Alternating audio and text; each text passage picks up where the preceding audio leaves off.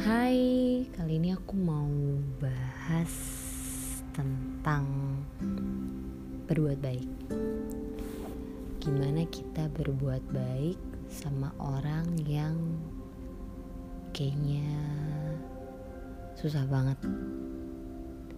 Kayak dari kita mulai kita senyum aja deh.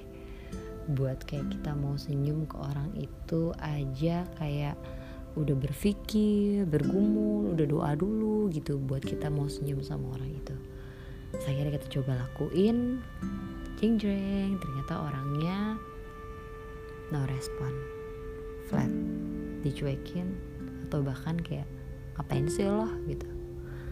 Terus kita gimana? Kita mau kayak gimana responnya? Nyerah, nggak mau ngelakuin itu lagi, kapok gitu atau nyesel.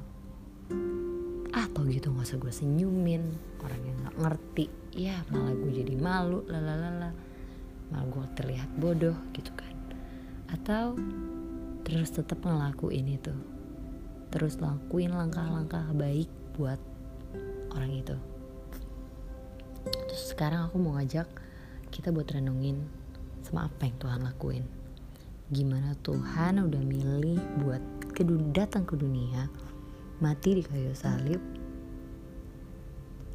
buat nunjukin kasihnya sama kita.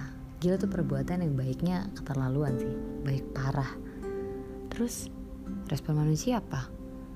Masih ada aja yang nggak percaya masih ada aja yang uh, ngakunya percaya tapi mengabaikan kebaikan Tuhan terus kayak menyepelekan kebaikan Tuhan terus menyanyiakan apa yang udah Tuhan lakuin gitu.